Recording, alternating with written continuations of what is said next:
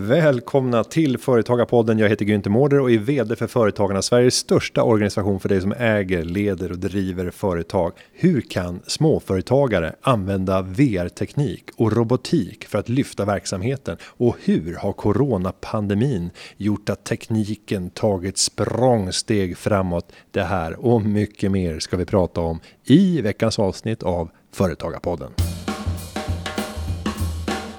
Och veckans gäst som vi hälsar välkommen till är robotutvecklaren och entreprenören som blivit utsedd till årets teknolog, vunnit matlagnings-VM för robotar och varit med i SVTs Genikampen. Han forskar vid Linköpings universitet och driver även fyra företag vid sidan av, däribland Dino Robotics som utvecklar sociala robotar. Nu gästar han Företagarpodden för att dela med sig av sina kunskaper om framtidens teknik. Välkommen Fredrik Lövgren.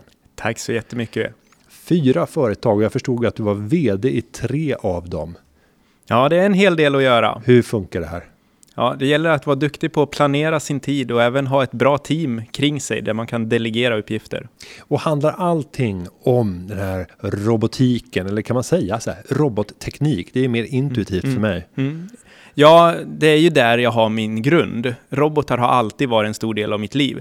Men det tangerar ju mycket annan teknik, användargränssnitt, eh, VR, simuleringar, AR. Man kan säga alla de här häftiga buzzwordsen som man brukar höra talas om. Allt sånt tycker jag är häftigt att faktiskt utveckla. Och är det här någonting som har funnits med dig under hela ditt liv? Ja, jag började med lego när jag var väldigt liten och byggde kojor och skapade saker. Sen fick jag programmerbart lego när jag var sju år. Och då upptäckte jag en helt ny värld. Jag kunde ju få de här mekaniska sakerna att vakna till liv. Genom att skriva lite instruktioner i datorn så fick jag min legobil att röra sig själv. Och det kändes nästan som att jag var gud. Jag kunde väcka liv i mekaniska skapelser. Och det har fortsatt att driva mig. Det känns så himla häftigt att jag skapar någonting som agerar och tar beslut utan att jag styr det. Och jag, jag, tänker just eh, så här, livets olika faser. Jag själv har ju varit så här gruvligt intresserad av körsång och jag har hållit på med sparande och investeringar. Jag har av omvärlden setts som en nörd. Jag misstänker att du har samma uppväxt som jag med den känslan av att vara nörd. Ja men verkligen, och jag är en stolt nörd. Jag gillar att vara den nördiga i rummet. Och jag gillar att komma med inspel, vi skulle kunna lösa det så här. Jag är verkligen en problemlösare. Det är inte så att jag är osocial och sitter i mitt hörn bara och kodar, utan jag vill ju bidra. Och det är en av anledningarna till att jag startar företag också, att inte bara forska för forskandets skull, att det blir någon rapport i någon perm, utan jag vill ju få ut tekniken till allmänheten, skapa saker som kommer till nytta. Och sen att du ändå väljer att vara utåtriktad och prata om tekniken. För det är inte självklart heller bland eh, oss nördar. Mm. Utan att man vänder sig inåt och vill ägna sig åt det man håller på med som är ens nördintresse. Mm. Vad är det som gör den här extroverta ådran som gör att du ändå vill ta plats och ta diskussionen? Ja, det har ju inte alltid varit så. Jag, när jag var yngre, då var jag ju väldigt introvert och jag gillade inte att umgås med människor. Jag trivdes bättre bland mina datorer än bland kompisarna. Men sen så har jag insett att för att lyckas, för att skapa någonting så måste man ha ett team, man måste samarbeta. Och jag tycker det är väldigt kul att berätta om mina intressen och jag är mycket ute och föreläser om robotar och försöker ta ner det på en nivå som allmänheten förstår. För det märker jag också att det är stor skillnad när man är ute på forskningskonferens. Då pratar man på ett visst sätt, men när jag är ute på ett dagis, då måste man prata på ett helt annat sätt. Eller även för politiker och så. Kanske inte så att politiker är dagisbarn, men lite åt det här hållet ändå, att man måste ta ner tekniken på en begriplig nivå. Och det tycker jag är en rolig, rolig utmaning också, att kunna anpassa språket. Och där skapas ju nya möten och nya affärsidéer kan uppstå. Och om vi tar utvecklingen när det gäller robottekniken eller robotiken. När jag växte upp på 80-talet, då var det ju så Transformers, det var ju det coolaste. Och man hade ganska långt framskridna planer på hur verkligheten skulle te sig i framtiden. Och filmer som Tillbaka till framtiden som spanade in i vad vi skulle möta där i framtiden. Sen när man tittar på de där framtidsspaningarna och robottekniken så hade jag nog trott om man hade frågat då på 80-talet, var kommer vi befinna oss år 2021? Så hade jag förutspått en större och mer dramatisk utveckling när det gäller robotar. Hur ser det ut för dig som har varit mer insatt? Ja, det, det är ju mycket som har införriats också. Och man, det, det, det är någon tendens vi har, att vi överskattar den eh, så här, kortsiktiga utvecklingen, om man säger det här, från 80-talet till nu, men vi underskattar den långsiktiga, vad det får för implikationer på samhället. Och det är ju väldigt, väldigt stor skillnad i samhället nu än vad det var då. Eh, till exempel med mobiltelefoner, det var ju ingen som kunde tänka sig att vi skulle ha det idag. Så det är ju mycket saker som händer. Sen har vi inte robotar ute på stan, vi har inte förarlösa bilar eller flygande bilar idag. Men det är också skillnad i vår sociala acceptans. Det är inte så många som kanske är redo att ha robotar i affärerna här i Sverige eller i västvärlden. Medan om vi kollar i Japan så finns det robotar på restauranger, det finns robotar i hotellobbyn och så. Så det är lite skillnad också i, i hur samhället accepterar robotar. Men om du får blicka framåt och tänka just på den här, så här tillbaka till framtiden. Men om vi börjar mm. nu, mm. 2021 och blickar fram till 2040. Mm. Kommer det vara ett samhälle som vi inte skulle känna igen oss i om vi fick leva en dag 2040? Vad ja, tror men? Det, det, tror jag verkligen. Och jag tror att det är samma sak om man går tillbaka till, om vi skulle flytta en 80-talist direkt från 80-talet till idag så skulle inte de heller känna igen sig med dagens teknik och datorer och internet och så. Eh, och jag tror att det kommer vara ännu större skillnad fram till 40-talet. Utvecklingen går ju snabbare och snabbare, det är exponentiell utveckling, så vi, vi kommer inte veta idag vad som finns då. Men väldigt mycket mer artificiell intelligens. Jag tror att vi kanske har en personlig assistent med oss som kan svara på frågor. Istället för att man tar fram telefonen och googlar på någonting så får vi någon som läser upp svaren i örat innan vi kanske ens vet att vi behöver de svaren. Och kanske någon som hjälper oss att laga mat på vardagarna. Inte så att vi inte behöver laga mat, vi kan fortfarande göra det en söndagsmiddag. Men en vardag efter jobbet kanske är lite jobbigt att börja planera middagen. Då kan en robot göra det istället. Om vi tänker på den robottekniken och sätter den i perspektiv av klass. För jag tänker mig att den här typen av hjälp kommer att kosta en hel del pengar. Finns det en risk att vi kommer få stigande eller ökade klassklyftor när ny teknik kan tillgängliggöra kompetenser mm. åt en liten del av befolkningen? Mm, ja, men det är en stor risk. Eh, någonting som jag är väldigt orolig för också. Dels att det kanske bara är de rika som har råd att skaffa robotar i början och då kan de accelerera ännu mer och utöka sin eh, makt eller sin samhällsställning men också att robotarna konkurrerar ut många lågnivåjobb eh, eller instegsjobb. Eh, och då förlorar ju de som jobbar där, om vi kallar det underklass, de sina till, eh, arbetstillfällen. Så det kommer ju spä på klyftorna också. Och det är en jätteutmaning som samhället måste fokusera på mer. Hur, hur ska vi försörja oss i framtiden när robotar kan göra fler och fler av våra uppgifter? Jag brukar alltid använda en analysmetod där jag tittar på ett yrke och så ställer jag mig frågan hur regelstyrt och regelbaserat är det här? Eh, eller om det på andra änden är oregelbundet och oförutsägbart. Eh, och där någonstans så försöker jag göra en bedömning av sannolikheten för att mm. den här typen av jobb kommer försvinna. Och nu pratar du inledningsvis om ganska så här lågkvalificerade mm. jobb där det är ganska kort väg för att börja. Mm. Det finns ju många jobb där som är väldigt oregelbundna. Om vi tar, jag kommer ursprungligen som, som hantverkare och tar man hantverkare när det gäller renoveringar av äldre byggnader. Där har jag svårt att se att robotar kommer ta över. Vi kommer använda teknik som hjälper oss. Men om vi däremot tar regelbundna jobb med lite högre utbildning så skulle vi vilja testa så här tolk. Att mm. vara tolk, det är ett högavancerat jobb som kräver många års utbildning. Du kanske sitter nere i Bryssel och simultantolkar viktiga och avancerade förhandlingar. Jag tror inte det jobbet kommer finnas kvar om Nej. fem år. Vad tror du? Nej, jag tror inte heller det. Och vi ser ju språkteknologier som utvecklas och det blir smartare och smartare algoritmer. Sen har vi ju, alltså grammatik, visst är det regelstyrt, men det finns ju bra många undantag i språk också. Men det är ju inte omöjligt för en människa att lära sig, så jag tror absolut inte det är omöjligt för en AI heller att lära sig. Genom att analysera till exempel Wikipedia, där många artiklar finns på många, många språk, så kan man se hur har människor översatt de här texterna? Och inte minst där nere i Bryssel, där många dokument översätts till medlemsstaternas språk. Där är det ju faktiskt granskat också att det ska vara en korrekt översättning. Så genom att låta en AI läsa igenom de här dokumenten så lär den sig både det regelstyrda men också vissa undantag. Sen fick jag lära mig i ett bolag som jag investerade i att det har dykt upp ett nytt yrke de senaste årtiondena och det är AI-tränare. Ja, det kan man väl säga att jag är, ja, sätt och vis. Och, och ska man förklara, vad är en, en människa som jobbar som AI-tränare för någonting? Ja, men det är ju någon som ser till att algoritmerna, AI, får rätt data, matar in till exempel de här rapporterna, kanske på ett strukturerat sätt och också kan ge beröm eller straff till en AI. Det är lite liknande att uppfostra människor också. Man berättar för AI, det här gjorde du väldigt bra eller det här gjorde du lite sämre. Och så sen tar den det i beaktande och utvecklas och blir smartare och smartare. Och i det bolaget jag hade en investering, de tittar på kameraövervakningsbilder och sen måste AI lära sig, vad är det vi ser på bilden? Mm. Och då satt det vanliga människor och berättade för, eh, ja vad säger man, algoritmen, mm. är det mm. rätt mm. uttryckt?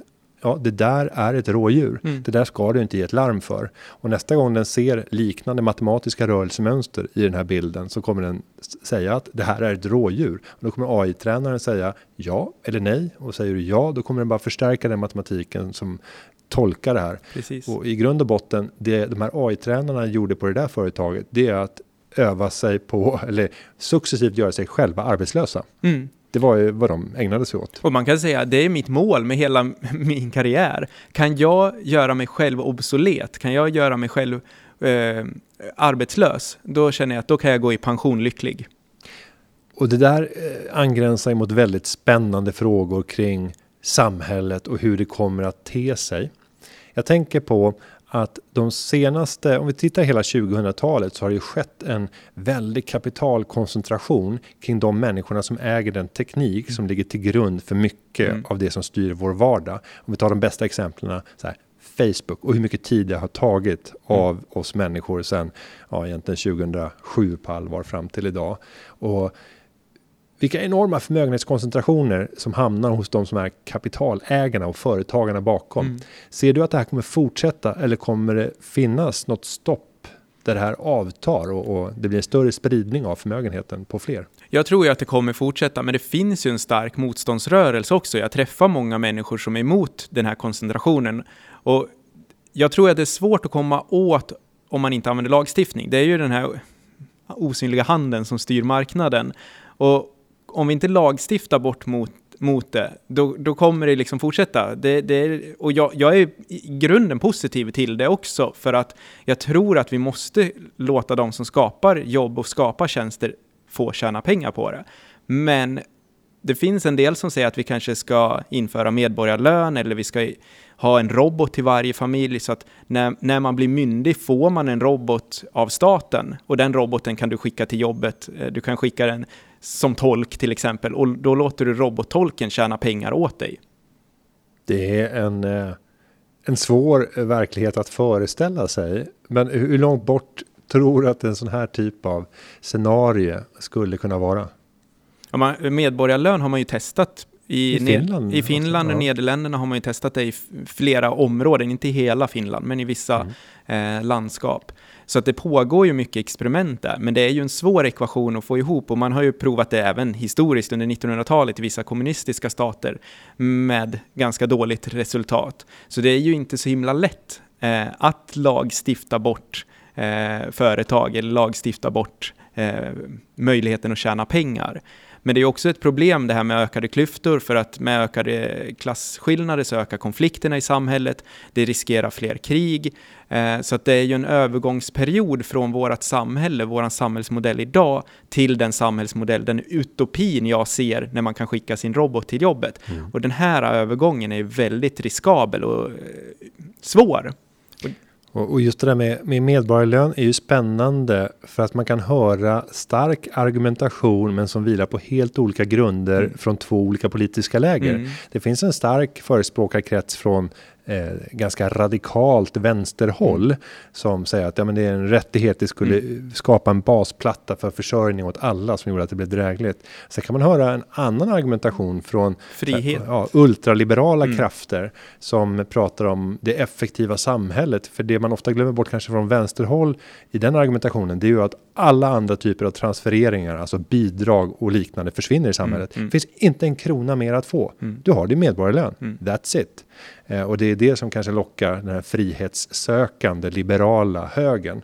Att man helt plötsligt skulle frigöra kraften hos individerna genom att minska statsapparaten mm. och lämna fler åt sitt eget öde och också sin egen potential att förverkliga sin dröm. Ja, så lite olika ut, in, ingångsvinklar i det. Om vi går tillbaka till ditt företagande då. Tre bolag är du vd för och ytterligare ett fjärde du är engagerad som ägare. Vad är det du huvudsakligen ägnar dig åt i de här företagen? Ja, min, min, min stora eh, passion är ju robotarna och det är därifrån allting kommer. Jag utvecklar robotar hela mitt liv, sedan jag var 10-12 år gammal. Eh, och jag började tidigt liksom att programmera, jag, som jag sa, från sju års ålder. Så jag började göra lite hemsidor till kompisar och till olika eh, idrottsklubbar och sånt. Och så började jag sälja hemsidor och så sen sälja lite andra applikationer, jag utvecklar robotlösningar och sånt. Eh, och så sen startade jag enskild firma och ombildade det till ett AB. Eh, och det kom fler och fler uppdrag och då kände jag att jag klarar inte av det här själv. Så då tänkte jag att jag kan inte anställa någon i ett företag som heter Fredrik Lövgren AB. Det vill jag ha själv. Så då startade jag Dino Robotics tillsammans med kollegor från universitetet. Några forskare, doktorander och även studenter som jag undervisat. Och det gör vi ju robotlösningar, både hårdvara och mjukvara. På sikt vill vi sälja produkter så att vi har vår egen produktflora, men nu är det mycket specialuppdrag. Saab hör av sig och vi behöver AI-lösningar för stridspiloter, då utvecklar vi det. Eller eh, som eh, SJ hörde av sig och ville ha en robot i sin kundtjänst, så då utvecklar vi en sån robot till dem. Så det är alla möjliga saker, både flygande robotar, undervattensrobotar som muddrar sjöar och servicerobotar som kan stå i receptionen och prata. Eh, sen så är jag mycket ute och föreläser om robotar. Och det var svårare att göra under pandemin. Eh, vissa föreslog för mig att, men kan du inte föreläsa över Skype eller Teams? Och jag sa, jo, det går att göra, jag kan föreläsa över Skype. Men ni vet att det är från 2003, det är 17 år gammal mjukvara. Så jag tycker väl att det är lite mossigt sådär. Och de sa, ja, men jag trodde det var det nya heta att köra videomöten. Och jag sa, nej, nej, nej, det är gammal teknik.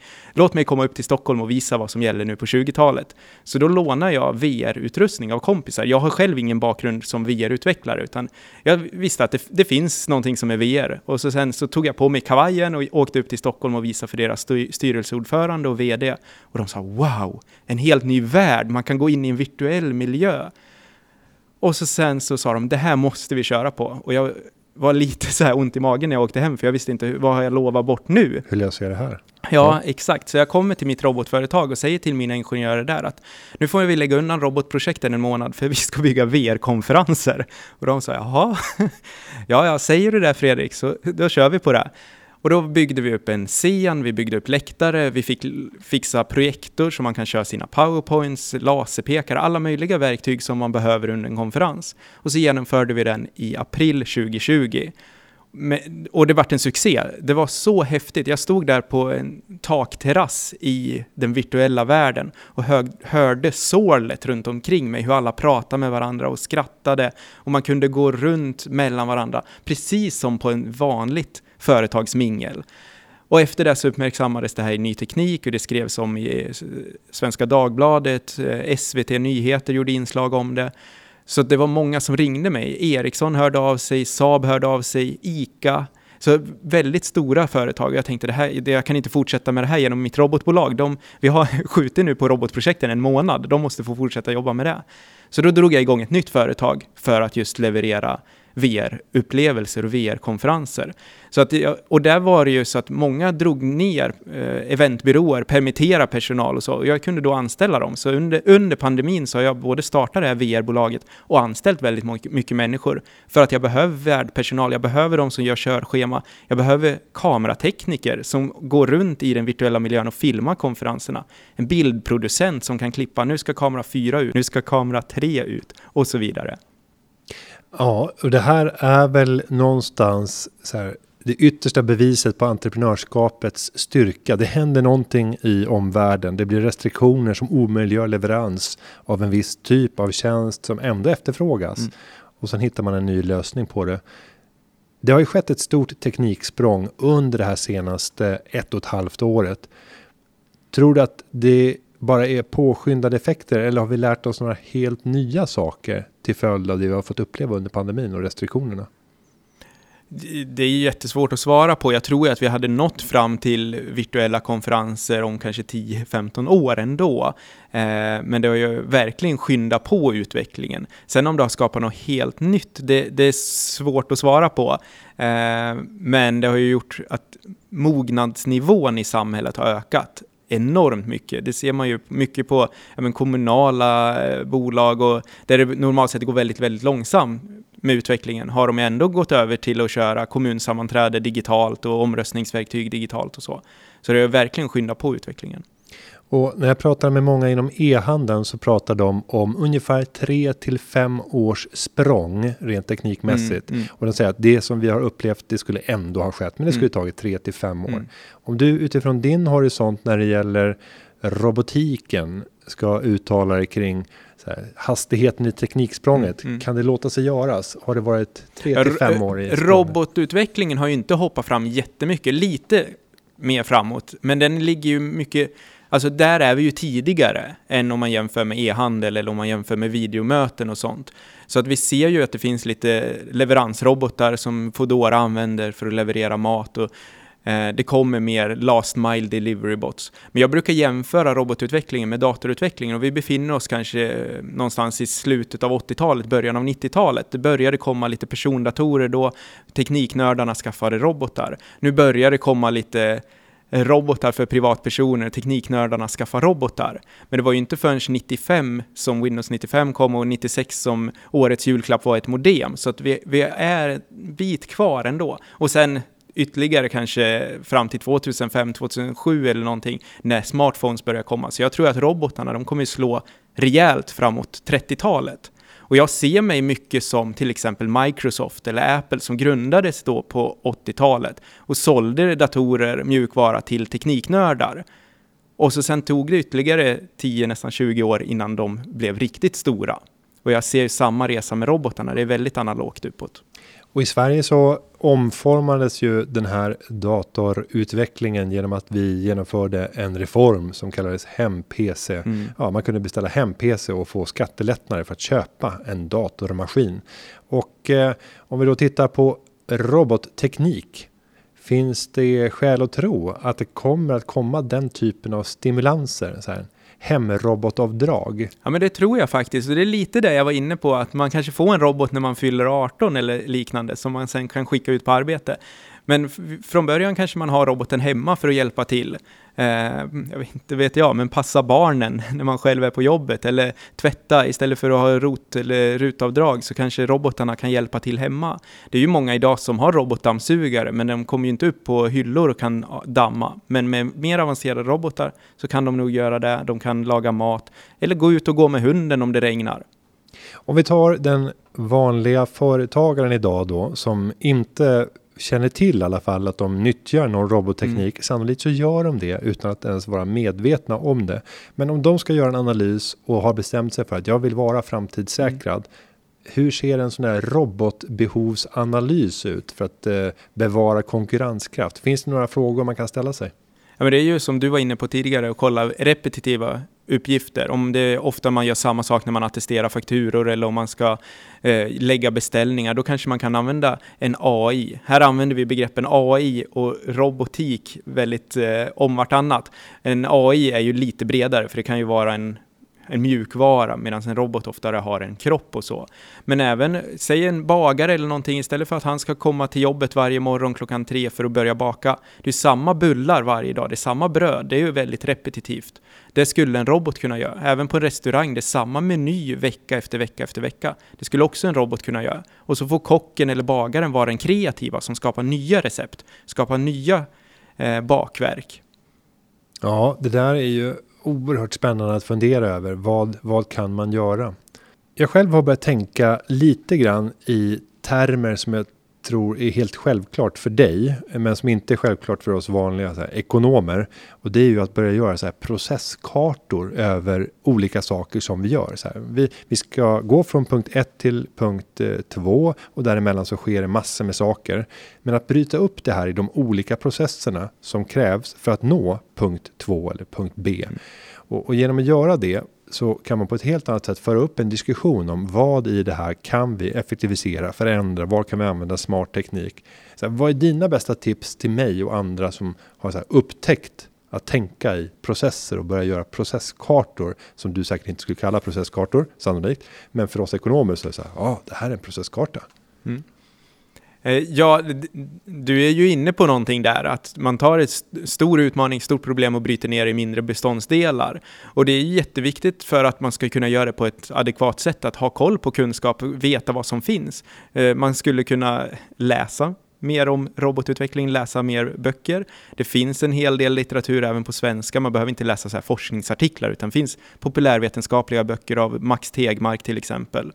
Eh, man skulle kunna bjuda in föreläsare, väldigt många föreläsare som pratar om digitalisering, förändringsledning, för det handlar ju inte bara om tekniken, det är väldigt mycket om att förändra våra beteenden och vi människor, vi är ju vanedjur. Så det här med förändringsledning, det är ju väldigt klurigt, men också nödvändigt.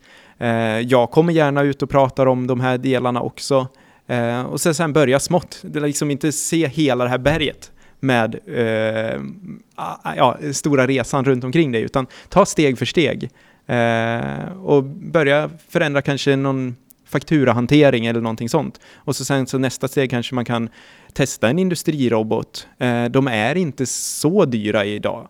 Tidigare har de kostat flera miljoner och tagit månader att programmera upp, men idag kan nästan barn programmera en industrirobot. Användargränssnitten har blivit så enkla, så man behöver inte en lång utbildning i programmering. Det låter så självklart. Eh, men jag tänker att det är lite svårare än så, eller? Kan man programmera en, en egen robot att utföra industriuppgifter som kanske då är repetitiva i sin egen produktion? Jag skulle säga ja. Eh, ja kanske, kanske att man behöver kolla på någon video på YouTube eller så. Men du kan ta tag i roboten och fysiskt flytta den. Här har jag mina... Steg ett. Ja, steg ett. Här ska du plocka upp ett objekt och så ja. fysiskt tar jag roboten till en ny plats och här ska den lämna den där. Och så sen så sparar roboten de där positionerna. Och tidigare var du tvungen att skriva in koordinater istället ja, exakt, och exakt. göra hårdkodat. Ja, ja. Och sen med mer AI och kameralösningar, då kan den själv upptäcka, ja men där finns korkarna, då åker jag dit. Och här ska jag skruva på korkarna på schampoflaskorna, då åker jag dit. Så att den blir smartare och smartare nästan. Så att det är ju som när du har nyanställd, du måste ju berätta, vad ska människan göra i den här produktionscellen? Vad ska tillverkas? Men sen kan människan själv lista ut exakt i detalj hur man gör det. Och det är lite samma med roboten. Du berättar för roboten hög, hög nivå vad ska utföras. Men roboten med kameror kan lista ut det. Och om man själv vill eh, fostra sina barn att kunna möta den här nya robotiserade verkligheten. Vad skulle du säga är de smartaste och bästa leksakerna som man kan köpa till sina egna barn eller andra mm. barn i sin närhet när de fyller år för att få dem att få upp det här intresset, förbereda sig för en ny verklighet? Det är lite beroende på vilken ålder de har. Jag har en stor förkärlek till lego och legorobotar och så eftersom det var så jag började. Men det finns många andra liknande robotleksaker. Men det är också ett väldigt stort Alltså det är många företag som vill komma in här och marknadsför sina robotar väldigt hårt mot skolor och sånt, så att det är många lärare och rektorer som köper in skräp som inte fungerar, som inte har någon bra pedagogisk utmaning, underlag. Eh, så att man får vara lite vaksam så man inte går på den flashigaste marknadsföringen utan att det finns faktiskt någon pedagogik bakom. Och det behöver inte vara speciellt dyrt. Raspberry Pi och Arduino och sånt, det kostar inte mer än 20-30 spänn. Men sen finns det någon som har gjort liksom en låda till den och tar 400-500 för det. Eh, så att där får man ju också fundera på vilken ja, prisklass man lägger sig på. Och det finns ju jättemycket att göra gratis online. Då behöver du inte köpa några fysiska objekt, utan man kan börja programmera i Scratch. Det är gratis från MIT och få upp grunderna för hur man instruerar datorer. Och så sen sitt gärna tillsammans med barnen. Det är inte bara att ge en leksak och så sen kommer barnet själv lära sig, utan man kan sitta tillsammans och utforska det.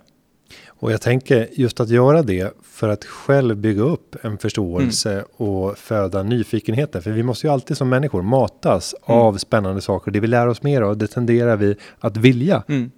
ägna ännu mer tid åt. Och det här är nog sannolikt en ganska bra tidsinvestering om vi ska bli konkurrenskraftiga för framtiden. Verkligen. Och sen finns det ju, det är ju krav nu på skolorna att programmera, så där kan man ju prata med huvudmän eller lärare. Är det någon programmering i grundskolan? Om de inte inför det, då, då kan man eh, klaga till skol, Skolverket för att det, det är krav från Skolverket nu att grundskolan ska ha programmering. Och apropå att klaga, där har ju till och med kommit robotar som automatiskt kan klaga i olika situationer för att genomföra överklaganden där mm. man har en relativt hög sannolikhet att, att få tillbaka pengar eller liknande. Mm. En annan dimension, det är ju när robotar tar över så här, handläggning av ärenden. Jag fick höra att Skåne, Region Skåne hade i någon del, eller om det var en enskild kommun, lagt över en hel del handläggningsärenden på robotar. Mm. Och eh, där tänker jag att det kan bli en, en ledarskapsfråga att motivera mm. medarbetarna till att det här är verkligen bra mm. när de börjar se att aha, nu försvinner mitt jobb. Mm. Vad skulle du säga är det viktigaste medskicket till en företagare som börjar investera i robotteknik som indirekt kommer leda till att medarbetare kommer att bli obsoleta, i alla fall i den mm. funktion som de har idag. Mm. Det är Trelleborgs kommun och det är någonting som de har infört för försörjningsstöd, automatisk handläggning där. Och det är ju det jag var inne på tidigare med förändringsledning, hur man kommunicerar det här. Och jag brukar säga att det är ju i första steget inte att vi ersätter människorna, men vi frigör tid hos dem. De behöver inte göra det repetitiva där det är samma och det är väldigt tydligt, utan de kan få ta hand om de mer komplexa, kanske mer intressanta handläggningsärendena.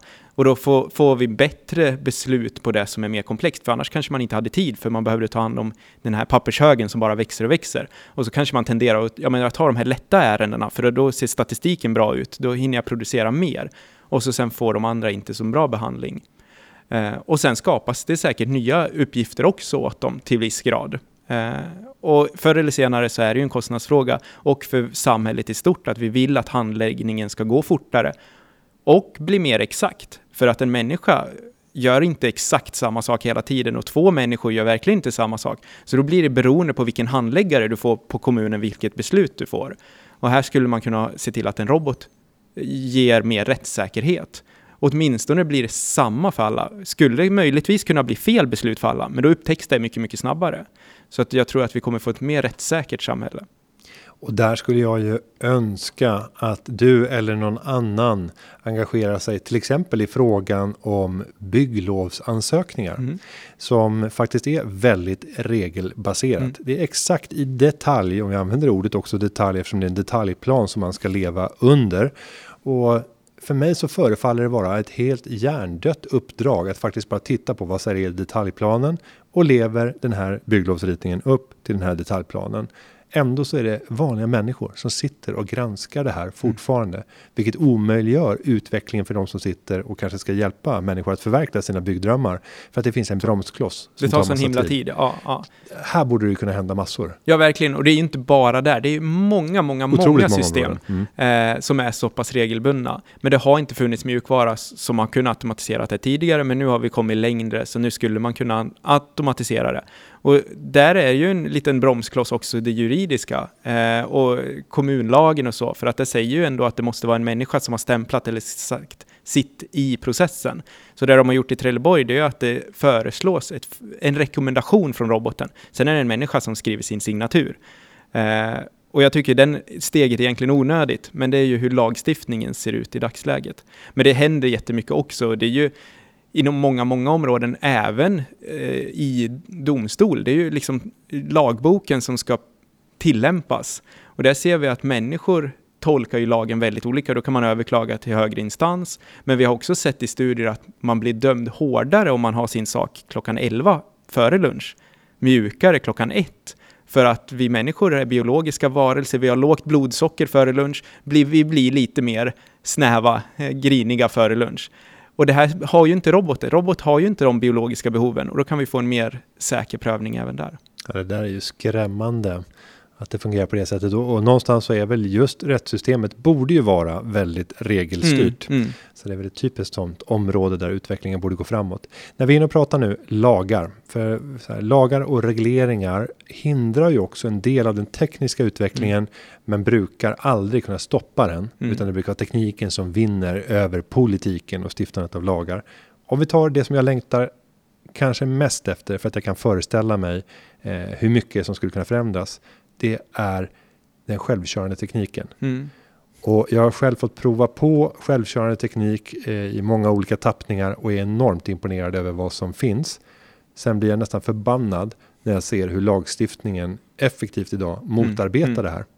När tror du att man rent eh, lagmässigt kommer börja ge med sig från politiskt mm. håll och öppna upp för att testa och faktiskt fullskaligt kunna mm, börja mm. använda tekniken. Det här har varit en lång kamp för mig också. Redan när jag var tio år gammal så sa jag till mina föräldrar, jag kommer inte behöva ta körkort för att det kommer finnas förarlösa bilar när jag fyller 18. Det fanns inte förarlösa bilar då, men jag håller fortfarande kvar vid det, så jag har fortfarande inte tagit en körkort. Men för att snabba på utvecklingen så har jag byggt en hel del egna förarlösa bilar. Redan 2015, för sex år sedan, så svetsade jag ihop en bil från grunden och satte dit motorer och kameror som såg vägen och var ute och åkte i Linköping. Sen gjorde jag en ny variant av den 2017, två år senare. Och då hade jag köpt en Volvo, kapat ratten, kapat gas och bromspedaler, satt dit motorer och kameror som styr. Och den var jag ute och körde på allmän väg i trafiken.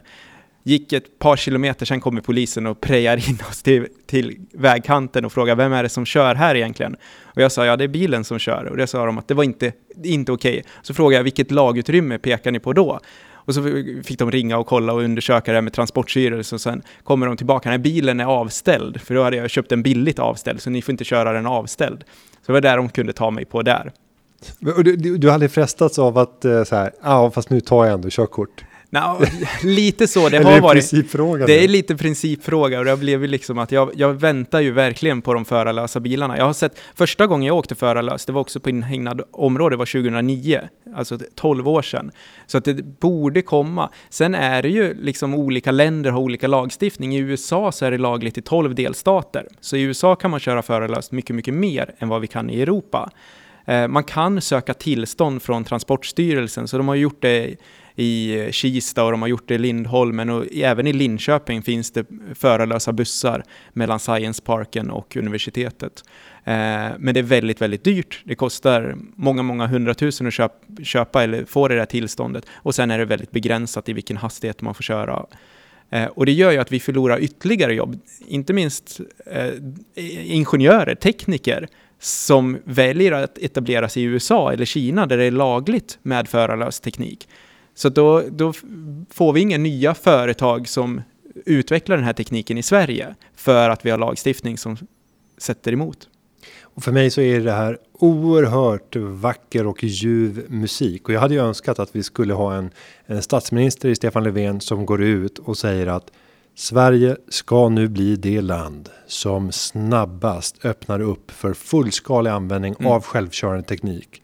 Vi gör det här av ett viktigt skäl. I hela modern svensk historia har vi levt med en nollvision, det vill säga att ingen människa ska dö i trafiken. Vi gör en politisk bedömning att den visionen är omöjlig att nå så länge vi har våtvara, det vill säga människor som sitter och framför fordon på över två ton ibland och som kan gå över 200 kilometer i timmen. Nu är det dags att ta ett steg. Inledningsvis kommer det här att kosta människoliv, men jag vet att beslutet idag kommer att kosta väsentligt många färre människoliv mm. över tid. Mm. Det här kan inte låta vänta. Vi ska bygga ett industriellt centrum med start i Västsverige där det ska bli en smältdegel för världens utvecklare. Ja, du hör, jag går igång. Mm. Jag körde det här faktiskt eh, som ett, ett tal i eh, Linköping när jag pratade mot utbygga, utbyggnaden av eh, eh sn ja, snabbspår och kunna mm. få höghastighetsjärnväg mm. och så. Mm. Det är helt hjärndött mm. att tänka i de termerna när det är ett avstånd som är ungefär 20 mil. Mm. Eh, och du, ta, du, kommer, du ska ta dig till en plats för att ta ett tåg som tar dig till en annan plats dit du inte ska för att du sen ska ta en transfer. Mm. På vilket sätt ska du kunna tjäna tid på det här? Eh, du argumenterar inte emot mig. Nej, jag, jag bara eh, lyssnar och njuter. Jag håller mig helt och fullt med. Vad gör vi av det här då? Vad, vad kan vi göra för att påskynda den utveckling som vi båda och säkert många mm, av mm, de lyssnare mm, vi har nu mm. vill se? Ja, men det är ju att prata med politiker. Pra, eh, prata med dina lokala folkvalda politiker. Skriv motioner, skriv, skriv förslag, insändare och visa också på att det finns andra länder som har förarlös teknik och vi har det även i Sverige på vissa områden, både bussar och lastbilar. Så tekniken finns redan. Jag, jag lyckas bygga det på egen hand på ett par veckor. Det är inte tekniken som bromsar utan det är just juridiken. Och jag tror ju att även, alltså du säger att det kommer kosta liv i början. Jag tror inte att vi, vi är förbi den gränsen. Mm. De är säkrare idag. Sen om det sker en olycka med en Tesla eller med en Uber som är förarlös eller någonting, då får det enorma proportioner. Mm. Vi läser ju inte om alla andra dödsolyckor som sker med mänskliga förare i USA, men har det skett med en Tesla, då det blir det en världs, ja, ja, världsnyhet. Så att man, mm. man blir ju lite vinklad över att det uppmärksammas så himla högt. Och jag tänker på de här legala frågorna när du byggde din självkörande Volvo. Mm. Om ni är tre stycken kompisar som då sitter i baksätet, ingen sitter i framsätet, bilen kör av sig själv. Vem ska man döma? Ja, det där är ju den knäckfrågan. Och det är flera olika förslag. Antingen att man dömer ägaren som är ute med bilen eller att man dömer eh, kanske tillverkaren. Eller ska bilen själv stå till svar på något vis om den har ett eget medvetande? Eh, programmeraren? Programmeraren, Bakom. ja, mm. enskilda programmeraren. Och det där är ju svårt. Idag så är det ju tillverkaren som åker dit. De har ansvar för de produkter de släpper ut. Och tillverkaren av, av bilen som ja, sådan? eller mjukvaran eller ja. bilen. Det är ofta samma. Det är många olika delar. Ja, men det är, men det är ju den eh, som liksom har sålt det ut. Det är den som har CE-märkt det. Sen, sen driver man det internt, ja. ja. Eh, men det där gör ju också att vissa bilar kanske får en viss typ av beteende, andra bilar får en annan typ av beteende. Eh, man kanske ser att Volvo är säkrare för kvinnor eller eh, ja, BMW är säkrare för överviktiga eller någonting, så de har olika moral eller liknande i bilen. Men om du avslutningsvis, för tiden bara springer iväg och jag känner att vi skulle kunna hålla på så länge eh, så att eh, eh, lyssnarna skulle mm. inte orka. Men om du ska försöka sammanfatta, vad är det viktigaste för en småföretagare att tänka på givet den utveckling vi ser inom robotik och VR, två områden där du jobbar mm. mm. väldigt mycket? Ja, löner är extremt dyrt. Människor är extremt dyra. Vi har höga lönekostnader i Sverige för att samhället är dyrt och där har ju vi mycket att tjäna på att använda robotar för att effektivisera våran vardag, för att effektivisera våra företag. Så är man i tankarna, ska jag anställa någon, så fundera ett varv till. Jag kanske ska anställa en robot eller köpa en robot. Eh, och utvecklingen har gått väldigt, väldigt långt, så att robotarna är inte detsamma som de var för 10 år sedan eller 20 år sedan, utan det finns smarta robotar som kan hjälpa till att öka effektiviteten. Ja, ett bra avslutande tips. Eh, jag har lärt mig massor och vi säger stort tack till dig Fredrik Lövgren för att du kom till Företagarpodden och upplyste och inspirerade oss framförallt till att vilja lära oss mer. För det är väl det viktigaste med det här samtalet tror jag. Ja men verkligen. Livet är livslångt lärande. Underbart. Mer tänkvärd läsning om robotik och VR för småföretagare det hittar du på företagarna.se. Underlaget för den här podden det är gjort av David Hagen och klippningen är som vanligt gjord av Petra Chu. Vi hörs igen nästa vecka. Hej då!